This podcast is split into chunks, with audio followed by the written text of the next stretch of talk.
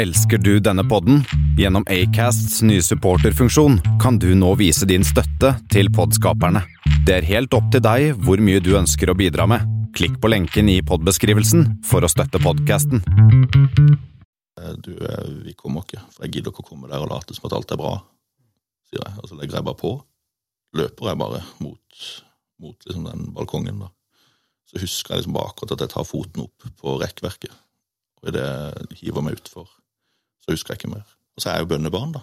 Jeg har jo vokst opp med en kristen familie med mange som har bedt for meg og, og tenkt på meg. og Ja, jeg ser jo på det sånn at hver, hver dag jeg egentlig har levd etter det, har vært, har vært eh, en gave.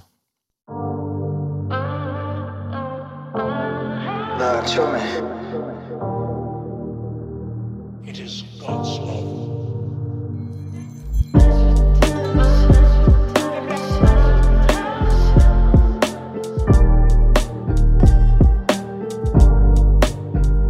Hva det går i, hva det går i. Væren show med podcasten er tilbake igjen. Og i dag, mine damer og herrer, så skal vi gå rett på sak. Gi en god, varm applaus for selveste showman Mikael. Takk, takk. Du, hva det går i? Nei, det Er livet bra? Livet er alltid alt bra. Ja. Ja. Her og nå. Jeg liker å si det. Alt i alt er det bra, for alt er ikke alltid bra. Det er sant nok. Men, Men alt i alt så er livet fint. Livet har jo ikke alltid vært eh, bra, Mikael. Eh, Men før vi går inn litt inn i dybden, så er jo litt sånn fun fact for de som ikke kjenner deg. Mm. Så er jo det at eh, vi to går way back. Ja. Eh, faktisk helt tilbake til eh, 2004-tallet, tenker jeg. Det må være det. Det var rett etter du kom til Ansgar. Ja. Og eh, det var jo da jeg startet med min musikkreise med hiphop. Stemmer. Driver du med hiphop i dag? Nei, jeg kan ikke skryte på meg at jeg gjør det. Eh, Men det sitter jo eh, Det sitter jo liksom litt i ryggrada. da. Jeg har jo vokst opp med det, og ja, så det Det kan fort bli noe. For vi har jo en eh, felles bekjent, og han er jo selveste storebroren din. Ja, Twisted. riktig det. Tore Øystein. Ja, Det å vokse opp med en bror som driver med rap, ja. Var det derfor det var naturlig for deg å starte med musikken òg? ja, det var nok det. Eh, Jeg tror musikk hadde jeg kanskje drevet med uansett, men at det ble akkurat hiphop, var jo veldig inspirert av han. Eh, Han var veldig storebror. Vi var close når vi vokste opp. Så han, eh, han tok meg med på reisa òg, da. Det hadde jo mye å si. Jeg fikk være med og være litt hypeboy og backa han på konserter. og Han tok meg med på jams. og Ja, for du var Twisted sin sidekick. ja, En periode der så, så var jeg det. Ja. Eh, Litt sånn ja, sidekick eller maskot, eller hva du vil kalle det. Ja. Så jeg, jeg husker han, han var veldig sånn, han støtta veldig, og jeg husker meg og en kompis begynte å rappe litt, og sånn, da fikk han meg liksom inn på hva det het igjen, det showet som han hadde, Salvador. Han hadde noe radioshow så, som vi fikk stille opp på og rappe litt. Og, så nei, det var gøy, det. Du var jo ikke gamle karen da. Nei, nei, Hvor gammel var du da? nei. Det var jo kanskje litt derfor at man fikk litt attention òg, for man var såpass ung som man var. Jeg tipper jeg, Første gang jeg sto på scenen med da rappgruppa til Tor Øystein, eller Twisted, som het Bound, Mm. jeg tror jeg var sju eller åtte år. Det er sykt. dro et vers da, som han hadde skrevet for meg. Ja, på engelsk. Ja, ja, selvfølgelig. Ja. kunne greppe norsk, da. Ja, når jeg, møtte deg, så var du, eh, var du 13-14. Ja, det var vel det. Ja. 13, ja. allerede da så var du ganske stødig på engelsken og hadde bra flow. Eh, du, var, du var skill, liksom. Ja, ja, det hadde jeg jo allerede holdt på en liten stund, da. Så, eh, og engelsken den begynte jeg jo da med fra jeg var 28, så den begynte å sitte ganske bra. Mm. Så det var, nei, det var gøye tider, det. Hva var artistnavnet ditt, da? Det begynte Jeg het Baby M i begynnelsen. For da var liksom Rapmaster B, og tror jeg var Crazy T. eh, og jeg Baby var- B? Jeg var Baby M. Og baby, Mikael, baby M, ja, ikke Baby B. Nei, nei, Baby M. Men du ser ikke akkurat ut som en baby der du sitter nå med Hvor høy er du, egentlig? Eh, 1,90 cirka. 1,90? Du ser ut som Goliat. Ja, jo. Det er, Hæ? det er litt vekt, da. Det passer fint. her, God dynamikk her med Gino Blass som er Hobbit og eh, Big Mike. Hæ? Ja da. Ja. Nei, nei, så det var Baby M som var artistnavnet mest. Baby Så gikk det over til noe Mike L, og så begynte jeg å å DJ litt også, da. Ja. Begynte å scratche og sånn, og da var det så Da var jeg liksom Da var det Deck Daddy, da, som tok meg med litt. Så da var da het vel jeg Michael Dexon, tror jeg det var jeg kalte meg for. Det er jo ikke så vanskelig å høre hvor eh, det navnet der eh, kom fra. Spilte litt på Michael Jackson, da. Så Mi- Michael Dexon. For du kunne danse. Du kunne DJ. Du dan, danse var aldri mye greie. Ikke danse? Nei, nei, nei, jeg var ikke noe Jeg god på å mener du drev med breaking. Husker jeg helt feil? Nei, nei, nei, det har ikke jeg gjort. Dårlig kommelse på meg, altså. Ja, nei, jeg kunne noe sixstep og noen greier, men det var ikke noe, det var ikke noe jeg dyrka. Nei. Ja. Ikke Ikke cripwalk heller. Nei, nei, nei, jeg har ikke helt uh, movesa inne, altså. Nei. Men eh, da når jeg møtte deg, for det, det var jo da jeg startet, sant? jeg begynte jo, jeg kjøpte meg inn turntables og Ja, AME, tror jeg faktisk. Hæ? Jeg tror du kjøpte AME. Var det det jeg kjøpte? Ja, Ja, ja. første turntablen ja? og mikseren. Ja, for det var derfor du var eh, hjemme i studentleiligheten hos meg også og viste meg litt grann, Ja, eh, triks og Kjøpte en Gemini-mikser, tror jeg det var, som jeg hadde kjøpt av Deck Daddy Ja. lenge siden. Og så var han var så sliten, så crossfaderen, da, for de som vet hva det er, den var så slitt at de måtte sette på en tannpirker. Som jeg husker jeg viste deg, og du var litt sånn her ja, Kanskje jeg skulle ha kjøpt en annen, eller Lurte du meg? Nei, nei, jeg. Jeg tror ikke du betalte mye, gjorde du det? Nei, det husker jeg Jeg ikke. vet ikke. Jeg er jo selger òg, da, så det kan være, kan være jeg tok litt betalt. Du lurte med trill rødt, men uh, du var god selger, for du kom hjem og så viste meg òg i tillegg, da. Så det Ja. var jo en god service. Ja, ja, det var koselig, det. Så allerede da eh, lå det en selger i Big Mike. Ja, Ja. jeg må ha gjort det. Må Jeg kaller det for Big Mike. Ja, det er jo det jeg går for på Insta og sånn nå, da. Det er liksom litt det jeg har Ja. Det er liksom eh, en annen hobby jeg har hatt, det er jo kroppsbygging, da, eller som jeg har, og har hatt. Da, da ble det fort Big Mike, som ble liksom nikket mitt, da. Jeg skjønner. Men før du ble Big Mike, så uh, tilbake til den tiden nå med hiphopen. Det var, det var jo ganske På Sørlandet så var det ganske mye som skjedde på den tiden der. Det ble jo en eksplosjon av flere typer rappere innenfor, innenfor de fire elementer, så det Ja. var mer naturlig å prate om på den tiden, da. Ja, Eh, Men hva, hva, hva skjedde med deg, da? For du var jo eh, superskilled. ja jeg, er nok litt rastløs type, tror jeg. Det er kanskje det ene. Så var det jo en tid når jeg var ung og prøvde å finne litt meg sjøl og hva som var mye greie, da. Ja. Eh, og litt sånn tilbake til at det var nok mye via broderen at jeg liksom kom inn i hiphop-verden og, og sånn, da. Så, så eh, fant jeg trening og, og andre ting som tok over, da. ja. Det er på en måte litt sånn der Har du drevet med noe såpass mye såpass tidlig i livet ditt, så slipper du jo aldri helt, liksom. Så jeg ser jo Nå som jeg har fått unger sjøl, så hjelper jeg de i gang og lager noen beats for de, og skriver noen låter som de kan synge inn og spille inn litt sånn ja gjør du det? Ja da. Skamfett. Det sitter jo liksom i Musikken er der alltid, da. Ja. Men Gjennom altså- Ja, men igjen, du har en storebror, og hva, hva betydde Twisted for deg, da? Nei, han var jo Han var jo det nærmeste jeg nesten hadde da jeg vokste opp. Jeg så veldig opp til han, og, og, vi, og han var god til å ta meg med, da. Så han passa jo veldig godt på meg og var der for meg og viste meg det han drev med. Og ja, jeg så jo på mye av vennene hans som mine venner, ikke sant. Ja. Det var en del av, av miljøet. Mm. Så han var, nei, han var kjempeviktig. Eh, En stødig fyr. Så han uh, lærte meg mye og hjalp meg med mye og var en god samtalepartner. da.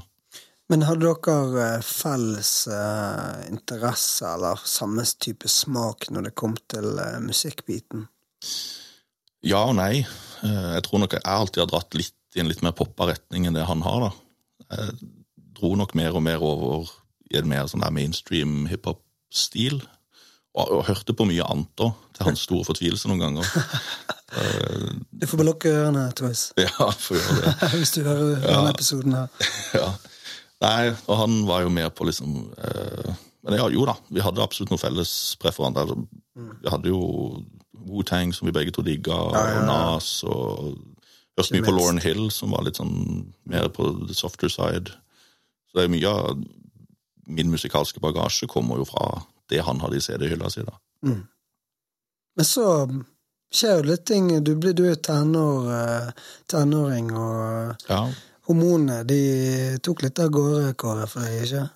Jo, altså sånn eh, med tanke på hva som måtte skje, skje videre derfra det, Rundt den tida du og meg møttes og sånn, så var jeg fortsatt Lagde mye musikk og lagde mye hiphop og sånn, og så er jeg vel rundt 16 begynner jeg på treningsstudio. Og da er det, da er det bare trening. Det er nok litt sånn er da, at jeg går veldig all in. Ja, for jeg husker liksom du og Twist var jo liksom standarden. Det var liksom, hvis det var rappere, Ja. så var det typisk høye og tynne. Ja, Og det var liksom uh, Unntatt uh, han der bergenseren som sitter på andre siden her, da. ja, ja. Som prøvde desperat å bli en rapper. ja, ja Og jeg husker jo når jeg møtte deg, at jeg tenkte det her lå jo veldig naturlig for deg. Både Ja. og Twist. Men, men tilbake inn da, når du da begynner på treningssenter, så Mm. finner du en ny type passion. Jeg gjør det. Uh, Har det litt med at du med selvbildet å gjøre, da? Jeg tror Den greia, dragninga mot trening og det å være stor og sterk, det, det begynte veldig tidlig. Jeg hadde en onkel som var godt, godt trent, eh, som jeg alltid syntes så kul ut. liksom, og Jeg husker jeg var med han på et gym som han trente på da var, da var jeg ikke mer enn 10-11 år. Da så jeg liksom mine første bilder av Arnold og Frank Zane og de store gutta. Legendene. Ja, ja, ja. Og jeg, jeg husker så godt, da, det var meg og kusina mi. Vi var jevngamle. Og vi så de bildene begge to. Akkurat samme bildene. Mm. jeg husker hun bare sto og var liksom repulsed. Hun syntes det så helt forferdelig ut. Og jeg sto bare Sånn skal jeg se ut en dag, liksom. Det Det, men det er jo litt sånn typisk tenåring òg, Du ser han som ser stor og sterk ut. Det blir veldig Ja, ja. fort eh, noen du tenker at shit, sånn vil jeg òg se ut, liksom. Ja, jeg, jeg tenkte, tenkte det. Mm. Men da Det var, det var ikke for liksom for uh, uh, i brytekamp med en bror, uh, storebror, at du ville ta knekken på han.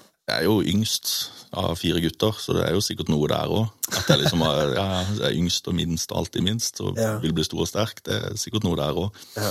Men, eh, men altså, det lå der liksom alltid, og jeg, jeg så jeg noe vekt, og så var det gøy å løfte på de, og Mm. kjørte pushups på rommet, og liksom hadde jo lyst til å bli stor og sterk. Mm. Og når jeg da ble 16 og fikk lov til å begynne på treningssenter og sånn, så, så bare gikk jeg all in, da. Og da husker jeg det var For jeg var jo veldig tynn. Høy og tynn, og hadde stekt meg veldig, så jeg var nesten sånn litt sånn awkward tenåring-tynn, da. Og da husker jeg de sa liksom kompiser og sånn, de sa ja, ja se på han har begynt på treningsstudio, skal du, skal du bli kroppsbygger nå? Og da kan jeg bli litt sånn der, det tente et eller annet i meg, da. Mm. Så jeg husker jeg sa ja, det skal jeg, og jeg skal stå på scenen, på pallen, i NM i kroppsbygging innen jeg er 20.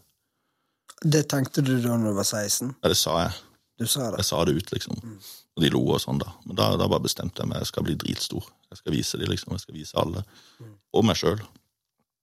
Og da gikk det slag i slag. Jeg begynte å trene på Lund, da. Eh, Med en gjeng der. Eh, Fikk en coach. Og så så jeg at det lå nok litt for meg, da, for jeg gikk veldig fort opp. Både i vekt og i styrke, og, og det gikk veldig bra. Jeg følte veldig mestring, da. Og jeg følte at jeg klarte å bli mer til det jeg hadde lyst til å bli sjøl.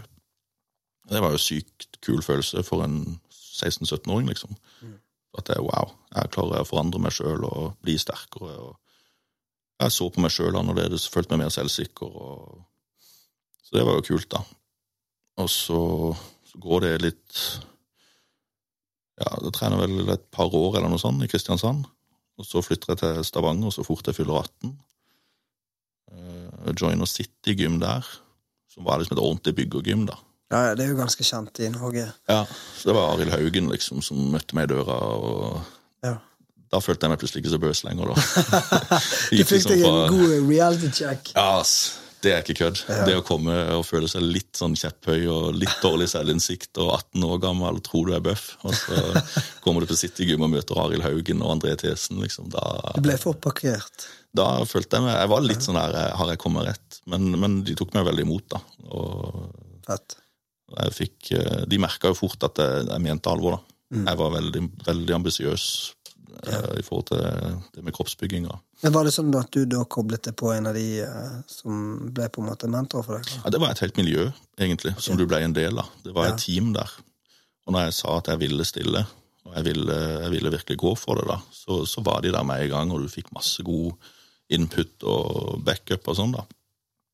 Så da trente jeg der òg i et par år, vel. Nei, ikke fullt det. Jeg stilte, jeg stilte da jeg var 19, da. Så jeg oppnådde jo målet mitt. Jeg fikk en andreplass i NM som junior. Hva vektklasse eh, snakker vi da? Nei, det var junior, da, så der er det ikke vektklasse. Ja, ok. Eh, jeg Men andreplass er ganske eh, imponerende. Ja, Helt til jeg sier at det bare var tre deltakere. Da. Så, Det har jeg ikke trengt å si. Skåre skår i, skår i Nei, men jeg må være ærlig på det. De som hører, som vet, de vet. Og Da er det bedre å bare si det som det er. Men, eh, men jeg slo jo én, liksom. Jeg og jeg så bra ut. Jeg var ripped. Så, men eh, Jeg husker det Tine. Du fikk sjokk her plutselig. Jeg husker Mix-kiosken i i- Hva heter den? Dronningens gate? rett med jafs der. Ja, ja. Du Ja. var inne og skulle leie film der. Stemmer. Og så plutselig kom du ut der og tenkte hellene. Hvem, er- hvem er han der fyren der? Ja, han skjedde litt. Ja, og så du bare Det er jo Mike. Ja, Det var sånn herre I hellene, da fikk jeg sjokk, altså. For da var det mye kjøtt på kroppen din. Det skjedde litt. Det hadde det. Så hadde Ja. jeg jo kjørt, jeg, da kjørte jeg liksom hele stilen, da. Med svær gassjakke, og jeg tok sol, tok solene hver dag og var kjempesolbrun. Og, Digger du er dønn ærlig om det? ja, ja, det, det, var jo, det var jo det som var Ja. Det var jo det som var stilen, liksom. Men vil du si at du eh, Sånn fasaden, så tenker vi at shit, han har eh, på stell, sant? Ser bra ut og brun og godt Jo. trent. Men hvordan hadde du det på innsiden? Nei, altså, jeg, jeg tror jo På den tida så var det jo det var, Du var så sykt enspora, da. Du var liksom så veldig, veldig Det var bare det det handla om. Det, det som nok ikke var så sunt med det at jeg begynte å trene som 16-åring og bygde så mye av selvfølelsen min rundt det å være stor og sterk, da, Mm. det var jo litt det at jeg det var, jeg, jeg, jeg så på det som min verdi, da. Jeg tenkte at det var det jeg var. Jeg var stor og sterk, derfor var jeg interessant, derfor var jeg kul. De som hang med meg, hang med meg fordi at de syntes det var kult med en svær fyr. En svær kompis. Hvordan responderte familien rundt deg, i og med at du flyttet jo vekk, ikke sant? Ja. Og da hadde du mye kontakt med familien din på det tidspunktet der? Jeg hadde faktisk det. Ja. Eh, Fikk du noe respons fra de? Og de så din forvandling? klart det er mye bekymring, da. Eh, det var det jo. Det, det, det er noe de, ingen av de kjente til miljøet, og det er klart det er, det er jo sider av det miljøet som kan være småskummelt òg, for en ung gutt. Eh, Det fins flotte folk i miljøet, og så fins det jo noen sider av det miljøet som er tøft òg. Det, er jo- det er jo litt sånn møtningspunkt for flere miljøer, da.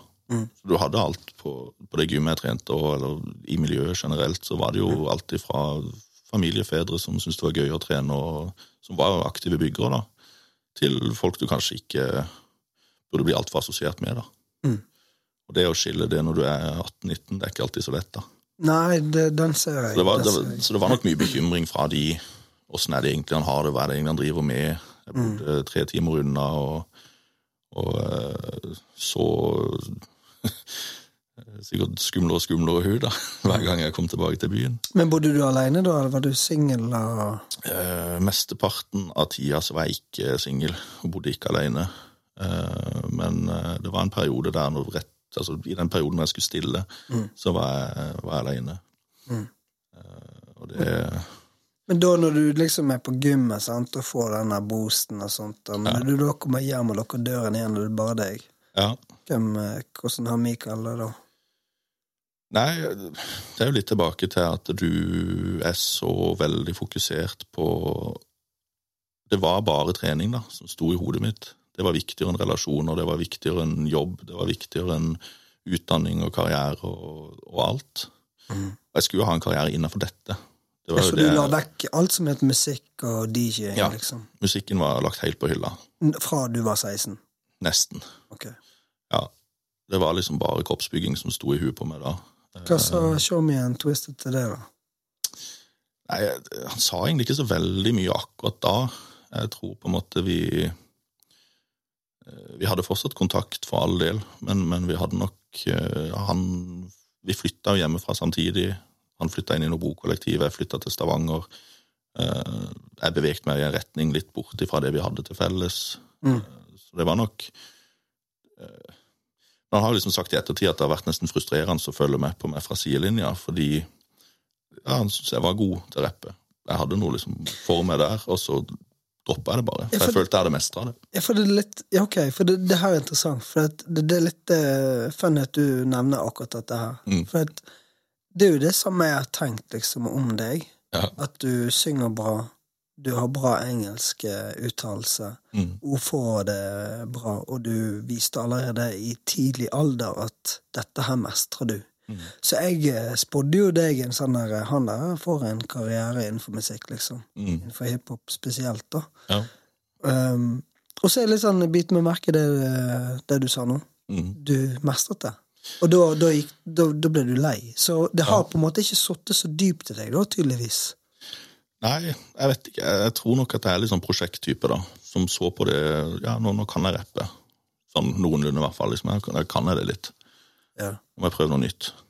Og så prøvde jeg det, og så stilte jeg jo i konkurranse. Og det er jo også Etter jeg hadde stilt, så ble det litt sånn der vakuum. Da var det sånn Hva gjør jeg nå? Jeg føler du, Gikk du fra en uh, ha være høyt oppe til at du nesten får deg en knekk? Ja, det, er, det du det er jo litt sånn kjent greie, da. Sånn uh, post competition eh, depression, liksom. At du, for du har hatt noe som du har jobba så veldig dedikert mot over så lang tid, og du har kjørt en diett som er umenneskelig, eh, og så plutselig så er det ferdig. Og så er det litt sånn Jeg, klart, jeg hadde nok ambisjoner om å stille videre, da. Ha en offseason og stille et par år etterpå i voksenklasse, da. Men uh, life happened. Men jeg la jo faktisk treninga bare helt på hylla i 13 år. Hvor gammel var du når du la den på hyll? Var, Var det rett etter konkurransen? Ja, 19-20 år. Så Men Var det fordi du fikk deg dame? Jeg fikk meg dame, og så fikk jeg jo unger òg, da. Eller unge i første omgang. Og da Det var jo det var litt sånn awakening for meg med tanke på akkurat det at jeg hadde bygd liksom, identitet og verdi rundt at jeg var stor og sterk og brun. Og eh, ja, etter konkurransen også, så begynte jeg liksom plutselig å gå litt på byen, da. For det hadde jeg aldri gjort i, i, liksom, i den ungdomstida. For jeg skulle bli stor, jeg kunne ikke feste da. liksom. Jeg, kunne, jeg gjorde liksom aldri det. Og så plutselig etter konkurranse så tenkte jeg jeg får gå ut litt på byen. Og det var jo kjempegøy når du var stor og sterk. For da var det jo folk som kom bort og ville kjenne på musklene, og du fikk vist deg fram. ikke sant? Du følte deg dritkul. Og da også, 19 år. Det var eh, egoboost. Ja. Eh, så da hadde jeg jo fått enda mer liksom, bygd det der at liksom, folk syns du er spennende for du er stor og sterk. Mm. Og så møter jeg jo hun som er mamma til barna mine og kona mi i dag, da. Mm. Og hun husker jeg vi liksom snakka Jeg vet ikke om vi skal ikke si vi krangla, men vi kom liksom inn på så sa jeg vel noe sånt som at liksom, ja, du er jo bare sammen med meg fordi at jeg er stor. liksom, jeg synes bare at det er kult at jeg er svær, liksom. Du ville ha en bygger. Så sa hun jeg liker det jo ikke på grunn av musklene, liksom. Jeg liker det på trass av det. Det er ikke min smak. Jeg bare hæ? Hva da, liksom? Hva, hva er det da du liker, liksom? Jeg har jo ikke noe annet. Nei. For det var jo sånn jeg så på det sjøl, liksom. Det, det var der din verdi lå, din identitet. Ja. Jeg tenkte hva annet er det du kan falt for da? liksom? Jeg har jo ikke noe annet. Jeg er jo ikke noe, jo ikke noe annet enn det, liksom. Mm. Da fikk jeg sånn der Shit, har jeg noe annet å by på, liksom? Ja, hva gjorde det med deg? Det gjorde at jeg mista litt gnisten, egentlig, eh, for treninga og, og det og, og Og da ble jeg kanskje hun liksom det nye prosjektet, da. Sant? Og det livet der, da. Ungene og, og alt. Og da, da la jeg treninga vekk. Det er klart, det, det gikk jo også på tid. Det gikk på penger. Det koster jo penger å spise mye, og det koster penger, og det koster dedikasjon, og plutselig så skal du bli voksen, da, og få unge. Så da la jeg det også bort. Og så eh, Så har jeg tatt det opp igjen nå, da. Ja, men jeg tenker liksom i tiden her Mm. så har det skjedd en del ting, sant? Mm. Altså, jeg tenker litt sånn i forhold til verdien din, sant? basert på trening Mm. og det fysiske. Mm. Og uh, i og med at jeg uh, visjonær bak det her prosjektet, tør å si det, Mm. og det, det vi ønsker å oppnå der. Mm. Kan du dele noe om den tiden der? For det, når du da har brukt så mye tid og ressurser og, Mm. og putter på en måte hele hjertet ditt inn i et prosjekt der med å være stor og sterk, Mm. og så nye prosjektet, du skal være pappa, du skal være ektemann. Ja. Hvordan fikset du det? Det var jo et sjokk, da. Var jo, for det første var jeg jo veldig ung, og vi hadde ingenting på stell. Verken meg eller kona. Vi var unge, på godt og vondt. sant? Og jeg hadde ikke satsa noe på verken jobb eller utdanning, eller noen ting, sant? så jeg, jeg følte jo plutselig at jeg, alt ble jo plutselig skummelt, og, og, det var mye som måtte på plass på kort tid. Og jeg takla ikke det kjempegodt. Da flytta vi tilbake igjen til byen her. Jeg tenkte? Ja. fra Stavanger, da. Og da tenkte jeg jo liksom ja, nei, jeg må nærme familien, og der har jeg nettverk og ressurser og, og det som er da. Og det var, en, det var jo en tid der som Den, den ble ikke veldig bra. Eh, Det var altfor mye som skulle på plass på kort tid, og så var det noen omstendigheter òg som gjorde at ja, Uten å overdele, da, så, så jobba jeg veldig, veldig mye fordi at vi kjøpte oss en leilighet. Eh, og jeg fikk ikke betalt for jobben jeg gjorde, så leiligheten skulle tvangsselges.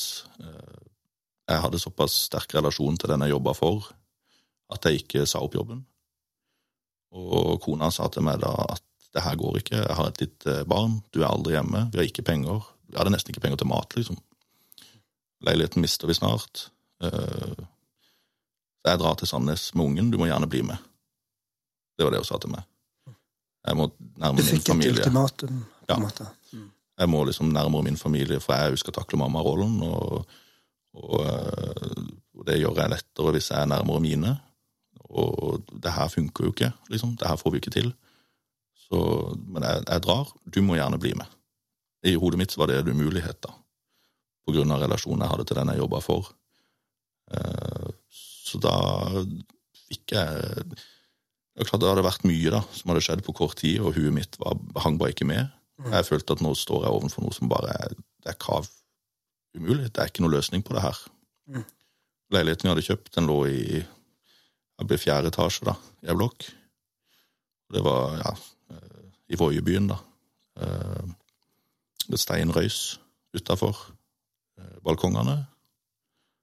Og da tenkte jeg bare utveien er å hoppe fra den balkongen. Bare bli ferdig. Bare rømme fra det her, liksom. Så det gjorde jeg. Hoppa ut. Landa i steinrøysa. Hvor mange meter snakker vi her nå? Nei, det er Er det 15, kanskje? 15-20, noe sånt. Shit. Er blokk, liksom sånn lav blokk, da. Og så pluss er tomt. Så det, ja, jeg har vært og sett på det etterpå. Det er ganske høyt. Masse spisse, store steiner som ligger der, og, og alt. Så det er jo Og det, akkurat i dette øyeblikket, mm. dette ser damen din nå. Ja. Og babyen, babyen min, da, sønnen min. Så de står igjen oppe der. Husker du den, den følelsen i det du hiver deg utfor? Kjenner du et snev av anger i det du hiver deg ut? Nei. Det er det verste, da. Eh, Jeg husker veldig godt at jeg, det var på min pappa sin bursdag, og vi skulle der. Og så husker jeg veldig godt at jeg bare Jeg husker jeg ringer han, da, av alle ting, rett før jeg hopper. Så ringer jeg og så sier jeg du, eh, vi kommer ikke, for jeg gidder ikke å komme der og late som at alt er bra. sier jeg, Og så legger jeg bare på. Og så løper jeg bare mot, mot liksom den balkongen, da. Så husker jeg liksom akkurat at jeg tar foten opp på rekkverket. Det jeg hiver meg utfor. Så husker jeg ikke mer. Du ser meg kjøre på som en Lamborghini. Svever som Lamborghini. Ingen stress hvis du vekker meg tidlig. Gjør det her for min kompis smidig. Livet blir bedre med årene, og det er helt greit å vise frem tårene.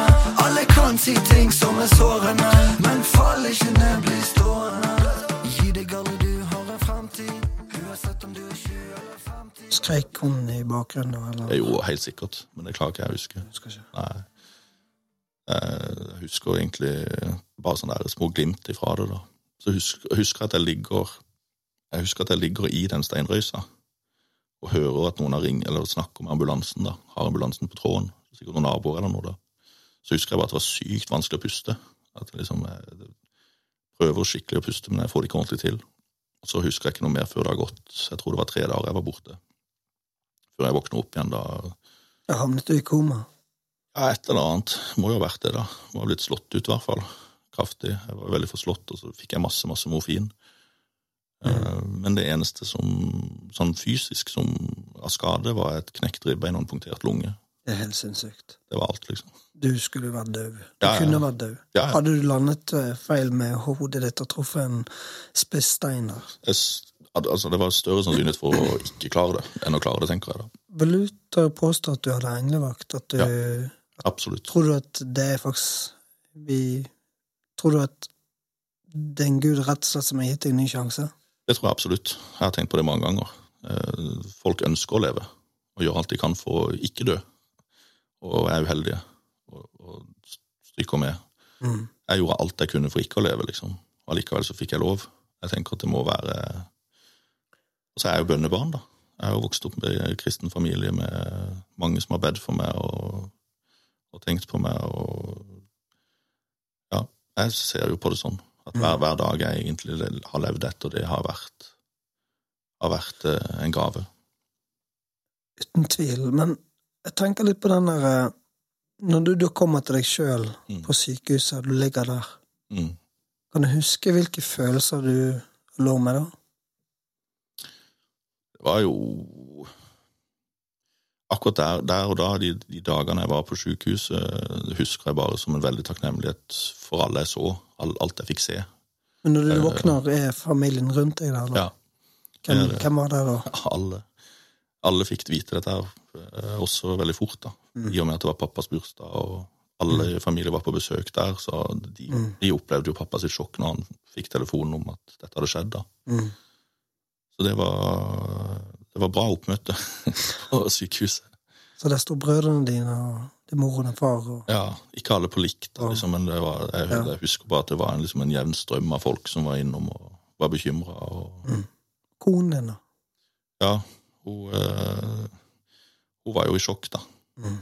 på mange måter, og veldig glad for at jeg hadde overlevd, selvfølgelig. Mm. Det var jeg jo sjøl òg. Du kjente på takknemlighet, rett og slett? da? Ja, ja, veldig. Jeg gjorde det, altså. Følte du på skam? Nei. Jeg, jeg gjorde egentlig ikke det. Eh, jeg jeg vet ikke om jeg skulle ha gjort det heller, på en måte. For jeg er litt der at jeg tror egentlig skam jeg, jeg tror ikke skam er bra. Jeg tror ikke det kommer fra en god plass. Anger eller eh, eller sånn 'Å, det skulle jeg ikke ha gjort'. Det, det, men skam er et ord jeg ikke er glad i, liksom. Det, det går på mange ting. Jeg, jeg, Mm. Alle gjør feil, og jeg har gjort mine, liksom. Men jeg prøver ikke å la skam være en greie jeg går og kjenner på. Mm. Preach. Det, det fører liksom ikke til noe. det litt med troen din å gjøre? At du Det kan godt være. Mm. Eh, jeg tror det går veldig på liksom det at jeg har et bevisst forhold til hva som kommer fra det gode, og hva som ikke Altså hva som leder til noe godt, og hva som ikke leder til noe godt. da. Skam kommer det aldri noe godt ut av.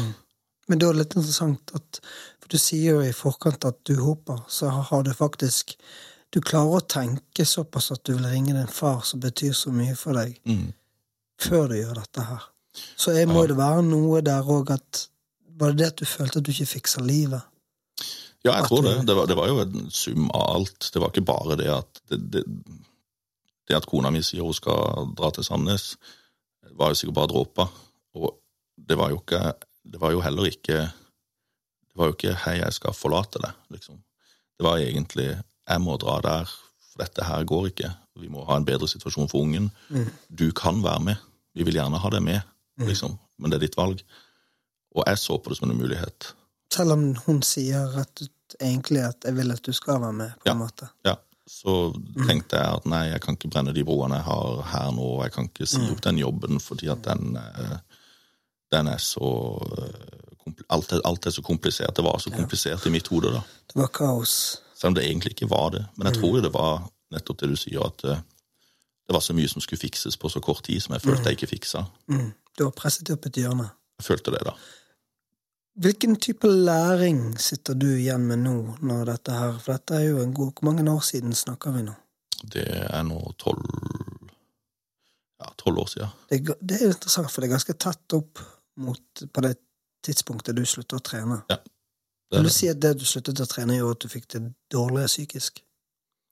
Kan det bare spille inn her? Jeg tror sånn som jeg trente, og det fokuset jeg hadde, og det verdisettet jeg hadde når jeg trente, så tror jeg ikke det ville vært bedre for meg om jeg fortsatte Mm. på den ferden. Mm. Eh, For jeg hadde et usunt forhold til det på den tida. Ja. Så det, det tror jeg nok ikke. Men jeg tror jo at den prosessen og For jeg gikk veldig fort ned i vekt. Jeg mista alt av muskler jeg hadde. Jeg var tynn igjen, liksom. Og det Ja. tror jeg nok påvirka åssen jeg hadde det. Men jeg tror allikevel at det ville vært veldig dumt for meg å fortsatt sånn som jeg holdt på da. Mm. Det tror jeg nok. Mm. Men jeg tror heller det var liksom bare min mental state generelt Mm. på den tida, også når jeg trente egentlig, Mm. som, som bare ikke var helt Mm. sunn. Men jeg, jeg tenker jo for det første så sitter jeg her og eh, eh, får veldig respekt for deg for det å si det. Mm. Tørre å si det. Mm. eh, krever noe. Det krever at man har vært igjennom noe, Mm. og man òg For meg virker det som at du har jo lært noe i dette her, gjennom det her. Mm. Eh, For noen, eh, eller for de fleste, så er dette det er ganske Det er jo ganske dramatisk og voldsomt eh, en, en drastisk avgjørelse som du tok der, Mm. som kunne ha faktisk kostet deg livet. Mm.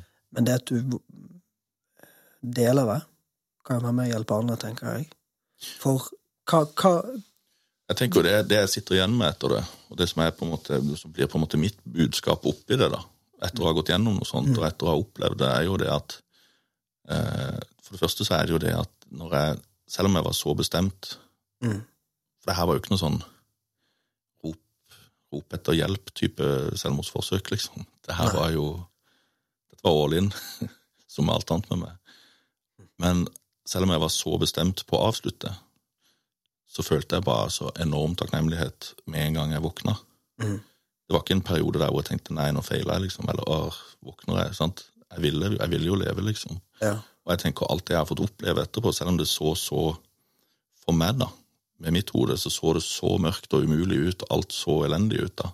Mm. Så tenker jeg alt det som har skjedd etter dette, jeg har fått en unge til, eh, jeg har fått bygge nye relasjoner, jeg har fått sett nevøer og nieser bli født, jeg har fått følge de, Mm. eh, jeg har fått feire julaftener, og jeg har fått le, jeg har fått grine, jeg har fått sett filmer, jeg har fått sett ikke sant? Altså, jeg har levd så mye etterpå, og hatt så mye fint, at alt det hadde jeg jo gått glipp av, liksom. Mm. Hvis jeg hadde fått det som jeg ville, eller som jeg prøvde på, da. Hva, hva, hva har hjulpet deg når du eh, For det er klart at uh, uh, Som du sier, da, du, sant, du kjenner på en takknemlighet etter dette. her. Vil du si at du fikk det bedre psykisk i en lengre periode etter dette her? Den hendelsen? Ja, jeg tror i hvert fall at det jeg- jeg- Det tvingte i hvert fall fram noen prosesser oppi hodet mitt, da. På hvor- hvor- hvordan kunne dette skje, liksom? Hvordan, hvordan kan dette ligge latent hos meg? Eh, og litt sånn der selvgranskning og, gå tilbake i tid og se om det egentlig kanskje alltid lå der litt. Eh, så jeg vil jo si at det hjalp meg jo. Jeg fikk snakke med folk. da Jeg fikk, fikk jo selvfølgelig tilbud om psykolog som jeg tok imot. og Ok, Ja, for det her søkte du hjelp etter dette, eller var det at du fikk tilrettelagt hjelp? Jeg fikk det tilbudt, Mm. eh, og takka ja. Og det, det var godt. Det, Ja, via lege og sykehus? Liksom. Ja, sånn? via sykehuset. Ok. Så ble jeg tilbudt eh, psykolog etterpå, da. Eh, som jeg gikk til en periode. Eh, og det, det hjalp bra. Og så har jeg jo hatt, hatt gode prater med folk rundt. Eh, Kan du si, Har du noen konkrete eksempler på noen personer som er vært viktig for deg i denne perioden etter? det har vært mange, da. Det er litt sånn der eh, skummelt å si, for plutselig glemmer du noen som har vært viktig. Men jeg vil si en som skilte seg veldig ut, var faktisk svigerfaren min.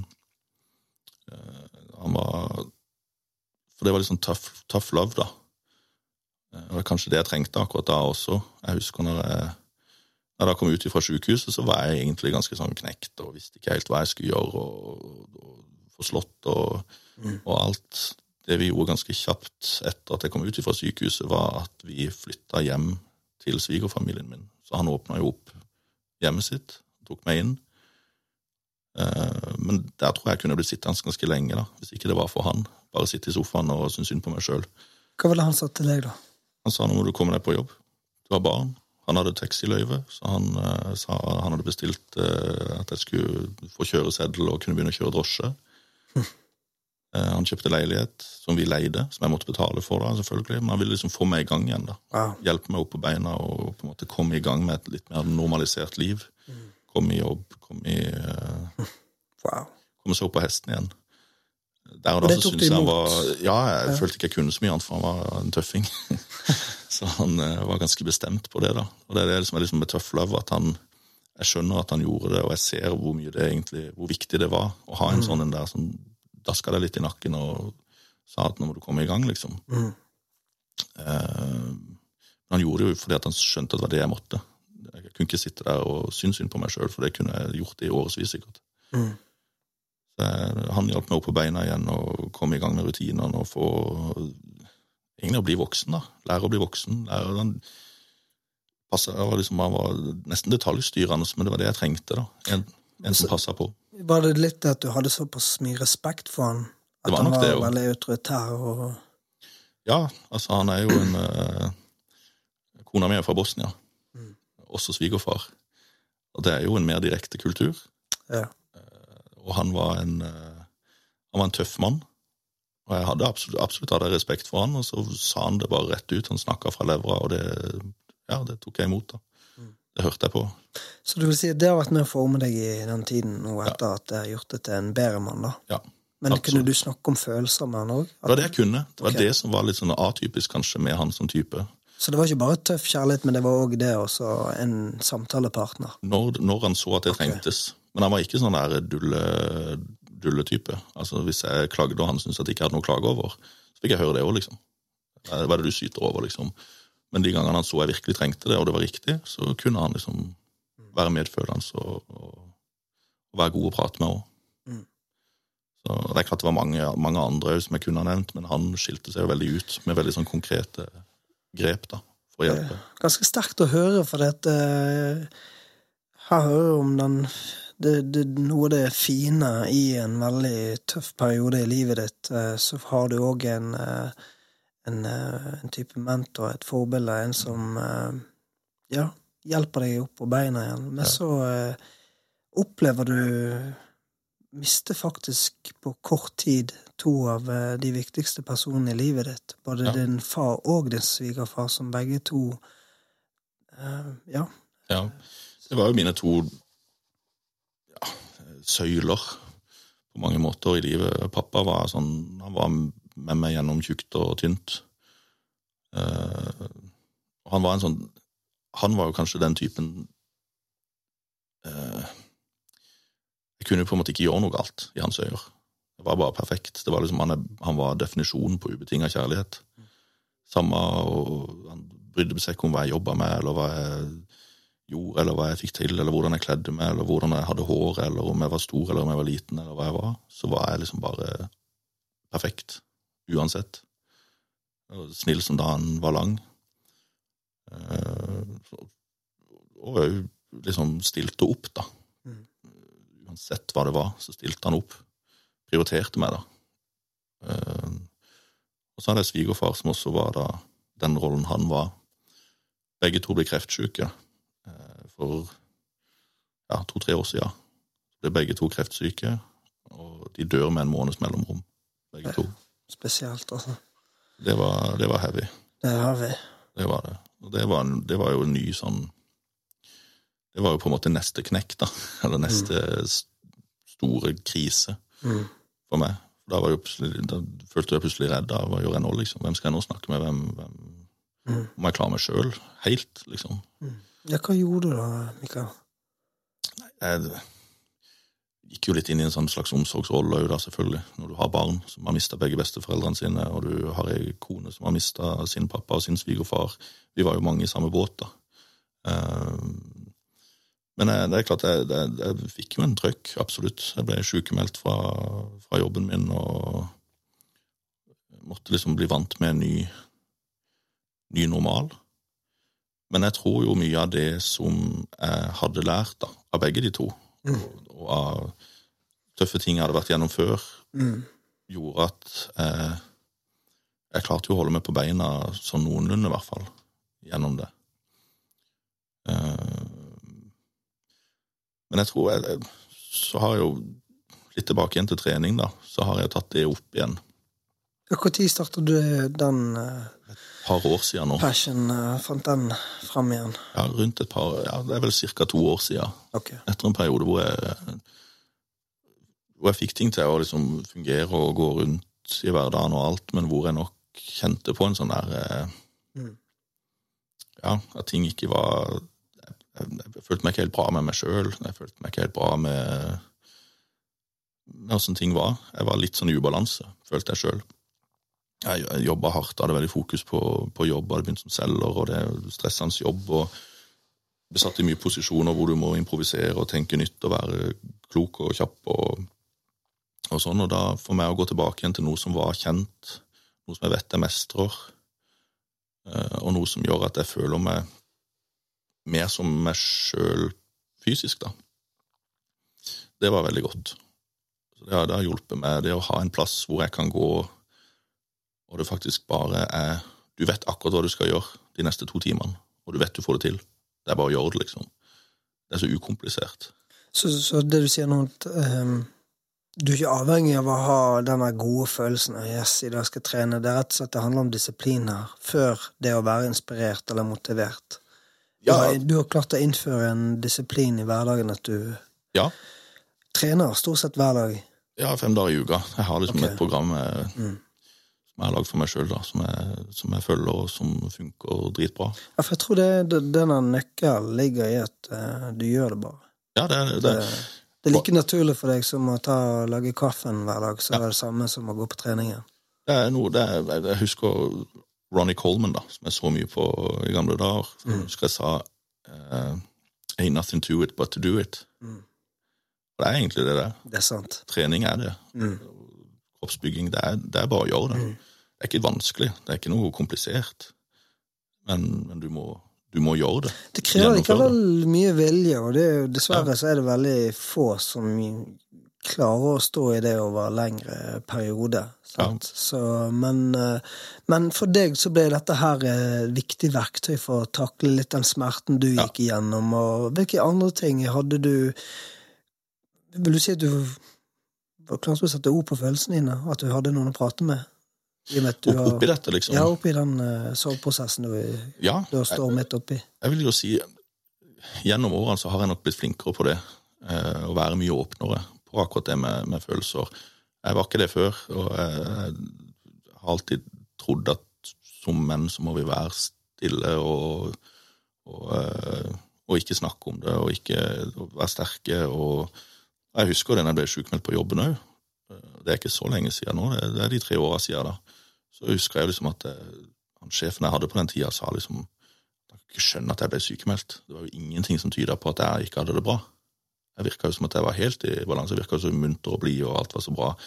Det, men jeg tror liksom litt, det òg vekka litt at det liksom Nei, men du må jo la folk vite åssen du har det, da. Hvis ikke møter de deg jo ikke som det du er, ikke sant. Det, da møter de deg som en blid fyr. Da forventer de ting av deg som om alt er bra. Da, da, da kommer krava, og da så står du der veldig aleine, da, med de tinga du bærer på. Så jeg har nok blitt flinkere på det. Og så har jeg hatt, blitt møtt godt av de jeg har valgt ut å snakke med òg. ja, brødrene mine er gode å prate med. Uh, kona mi har vært en god samtalepartner når det kommer til det med følelser, og, og hva som har vært vondt med det, og ja, miste de to, og hvordan jeg har følt i forhold til det. Så har det, jeg tenker jo litt sånn òg, når jeg hører deg prate, at det at du har hatt en stødig god pappa Mm. og en stødig god svigerfar, Mm. det må jo òg eh, inspirert deg i din egen papparolle. Og for Ja. dine egne barn at i en sånn tøff tid, så, så, så går du inn i den derre eh, Ja, pappa som har omsorg for Ja. barna sine og passer på dem og er der for dem. Jeg tror jeg på en måte i hvert fall jeg vært bevisst på å prøve å være en slags eh, hybrid mellom svigerfar og min egen far. Og hatt litt av den der tough loven som jeg tror trengs av og til. Eh, samtidig som jeg syns det er veldig viktig at de skjønner at det er ikke prestasjonsbetinga om jeg er glad i de eller ikke. da, Fornøyd med de eller ikke. Jeg tror det er dritviktig å ha noen, i hvert fall foreldrene dine, da. Du føler at de er, de er fornøyd med deg uansett. Jeg, jeg, jeg tror det liksom bare bygger en trygghet i det. Og Det var jo det jeg følte at jeg hadde når jeg hadde pappa òg. Jeg hadde den tryggheten at liksom Ja, ja, men pappa syns i hvert fall jeg har rett, eller pappa syns jeg er bra, eller ja, Pappa er fornøyd, liksom. Så om den personen ikke liker meg, eller den syns jeg har gjort galt, eller noe sånt, så kan jeg gå til pappa, da. Liksom. Så har du det. Har du liksom den. Sant? Ja, det, så det er vel Ja. Mm. det var kanskje det jeg merka best når jeg mista nå, da. At liksom jeg Ja, nå har jeg ikke den der eh, Ja, jeg har jo mamma, da, som også er kjempegod for all del, men vi er jo menn, så det er rart med det. Mm. Det å ha en mannlig, sterk rolle er, er viktig, da. Vil du si at du finner styrke og, og en trygghet og trøst i troen din på Gud? For den, eh, den er vel eh, Den er in absolutt intakt, og den er viktig for meg. Jeg liker å si at jeg har liksom Jeg tror, alle, jeg tror de, mange har det, men jeg, jeg, føler mitt forhold til Gud alltid har vært veldig personlig. Eh, Det er noe jeg har lært fra jeg var liten nå, liksom, at er, du kan snakke med Gud, liksom. Du kan, du kan prate med han, du kan Det er vennen din, eller sånn, det er Du har en direkte linje, liksom, som du kan snakke med han om. Eh, Og det, har jeg, det sitter liksom bare i ryggrada helt fra jeg var liten. da, At når jeg har det tøft, så, snakker jeg med Gud. Og det er kanskje litt sånn tilbake til det å liksom tørre å si det, at du du, du kan i hvert fall få satt litt ord på det. Du får det litt ut i rommet. da. Om det så er at du snakker med Gud, og kanskje ikke det blir den dialogen som du har med et menneske, men du, det å bare få sagt det ut av og til hjelper jo veldig, da. Mm. Så, eh, så det er jo absolutt. Og det har jo også hjulpet selvfølgelig når du mister mennesker, så har jeg tenkt på det flere ganger, de som ikke har den troa på at vi skal ses igjen, liksom. Det, det er jeg heavy, liksom. For det har vært trøsten min oppi Mm. det at jeg, ja, har mist, jeg har mista de her, men jeg ser de jo igjen, heldigvis. mm. Så ja, absolutt. Tusen takk for at du deler disse tingene. her. Det, det tror jeg òg kan Mest sannsynlig så finnes det noen der ute som hører denne episoden her, som kjenner at eh, det åpner opp noe for deres del. og Jeg håper det. Og, ehm, og hvor viktig er det? For det liksom, du sa det der med som en gutt, som en mann, så er det litt der du skal være sterk, sant. Altså, men uh, hvor viktig er det det der å faktisk klare å sette ord på ting og tørre å si, si at livet er litt vanskelig av og til? Jeg tror det er kjempeviktig. Eh, Og jeg har bare blitt, som sagt, jeg har bare blitt flinkere på det. Og jeg merker det å være åpen og transparent med folk, og, og, og det å Fordi det er litt tilbake til det jeg sier om at du blir møtt for det du er. Det husker en psykolog snakka med meg om at vi mannfolk vi har lett for å eh, Hvis vi blir lei oss, så har vi lett for å vise oss som sinna, for eksempel. En sånn typisk mannlig reaksjon, liksom. Sinne. Hvis vi er såra, eller hvis vi føler oss trua, eller om vi føler oss usikre og sånn, så blir vi sinna i uttrykket vårt. Men da blir du møtt som en sinna fyr, da. Det er ganske vondt. Du er lei deg, Mm. Og du egentlig trenger omsorg eller forståelse eller Mm. klapp på skuldra, Mm. trøst, og så blir du møtt nesten med piggene ute fordi at du framstår som en sinna mann. Den er vanskelig, sant? Den, den kan være vond, og jeg tror derfor er det viktig å være åpen om følelser, Mm. og om at du kanskje har det tøft, for da kan du bli møtt som en som har det tøft. Mm. Og da kan du faktisk få den hjelpa du trenger, eller du kan få den gode praten som du trenger. Mm. Jeg, jeg, tror, det jeg tror det er superviktig. Mm. Jeg tror jeg, Det er liksom bare Du er ikke noe mindre mann av den grunn. da. Nei. Det er faktisk bedre Det, det er en ekte muskel. Og da er det Det er en ekte muskel, det er faktisk tørre å si det. Ja, sant? Å være ærlig om livet. Og, være- og, Og den må trenes, den òg. det, er ikke bare bicepsen. Nei da, nei, det, jeg tror jo det. Jeg tror det er noe man må Ja. Man må hoppe litt i det og finne en altså, ja. Finn noen du stoler på, da. Så har man ingenting å tape på det. og det er det jeg kjenner når Du har vært gjennom mye motstand eh, eller utfordringer i livet, da. Mm. Så er jo noe med det der eh, Det gjentar meg sikkert her nå, da, men motstand gir deg òg muligheten til å få en eh, ressurs. Mm. Sant? Det som andre tenker er svakhet, men det er jo nettopp det skal bli din styrke. Sant? Så lenge du har fokus på lærdommen i det du går gjennom, Mm. og velger å lære, Mm. Og eh, så er det godt òg å kunne be til Gud om å få litt ekstra visdom av og til, for det er ikke alltid like lett å deale med ting, selvfølgelig. sant? Ja, Men eh, du, eh, Mikael Jeg liker å si Mike. Jeg, eh, ja, ja, kan meg Mike, du. ja, baby M. Baby M. Du, jeg har noen faste spørsmål som jeg liker å runde av Eller ja, som jeg runder av med før jeg runder skikkelig av. Ja. Eh, nå har jo du svar på Tror du på Gud? Det gjør jeg. Det har du svar på. Og eh, hva betyr ordet suksess for deg? Oh. Jeg skal si penger og biler. Nei, for meg så handler det om å være Det kommer helt an på arenaen, selvfølgelig, men sånn generelt i livet suksess, det har jeg tenkt på etter min pappa døde. For han, eh, jeg vil jo si Jeg har lyst til å ha litt det samme ettermælet. Være hel ved. Være en fyr som har stilt opp for folk, som folk husker igjen som noe godt. Være et godt medmenneske. da. Være en god pappa, være en god venn, være en god nabo, være en god showmate. Det, det er suksess for meg. Fin, fine ting. Så da, hva betyr det å være en showmate for deg? Du sa det egentlig det nå. Nei, det, det handler om å være, en, være et godt medmenneske. Se, se de som er rundt deg. Stille opp. Eh, lytt når noen gir deg et lite signal, liksom. Vær våken, da. Mm. Still kanskje det litt, litt sånn awkward spørsmålet Å ja, men åssen Åssen føler du deg egentlig rundt det, da? Mm. Hvis noen forteller deg et eller annet, eller Ja, prøv å hjelpe folk til å til å være åpne hvis, de, hvis du syns det ser ut som de sliter litt. da Mm. tror jeg en god chommy Mm. gjør. Hva, er, hva er det som driver deg i hverdagen nå? Mm. Til å stå holde Være fokusert, holde sta kurs Mm. framover. Er når du har blitt pappa, da, så er det jo mye det. Det er det å se ungene dine og tenke at du skal være der for dem og være et forbilde og, og være, en, være en klippe for dem, da. Det er jo det. Det er, ja, ungene er mye mindre, i hvert fall. Mm. Det er det. Og musikk, da? Får vi høre noe musikk framover nå fra showmien her? Ja, det begynner jo å, det begynner jo å klø litt i halsen etter å synge litt igjen, da.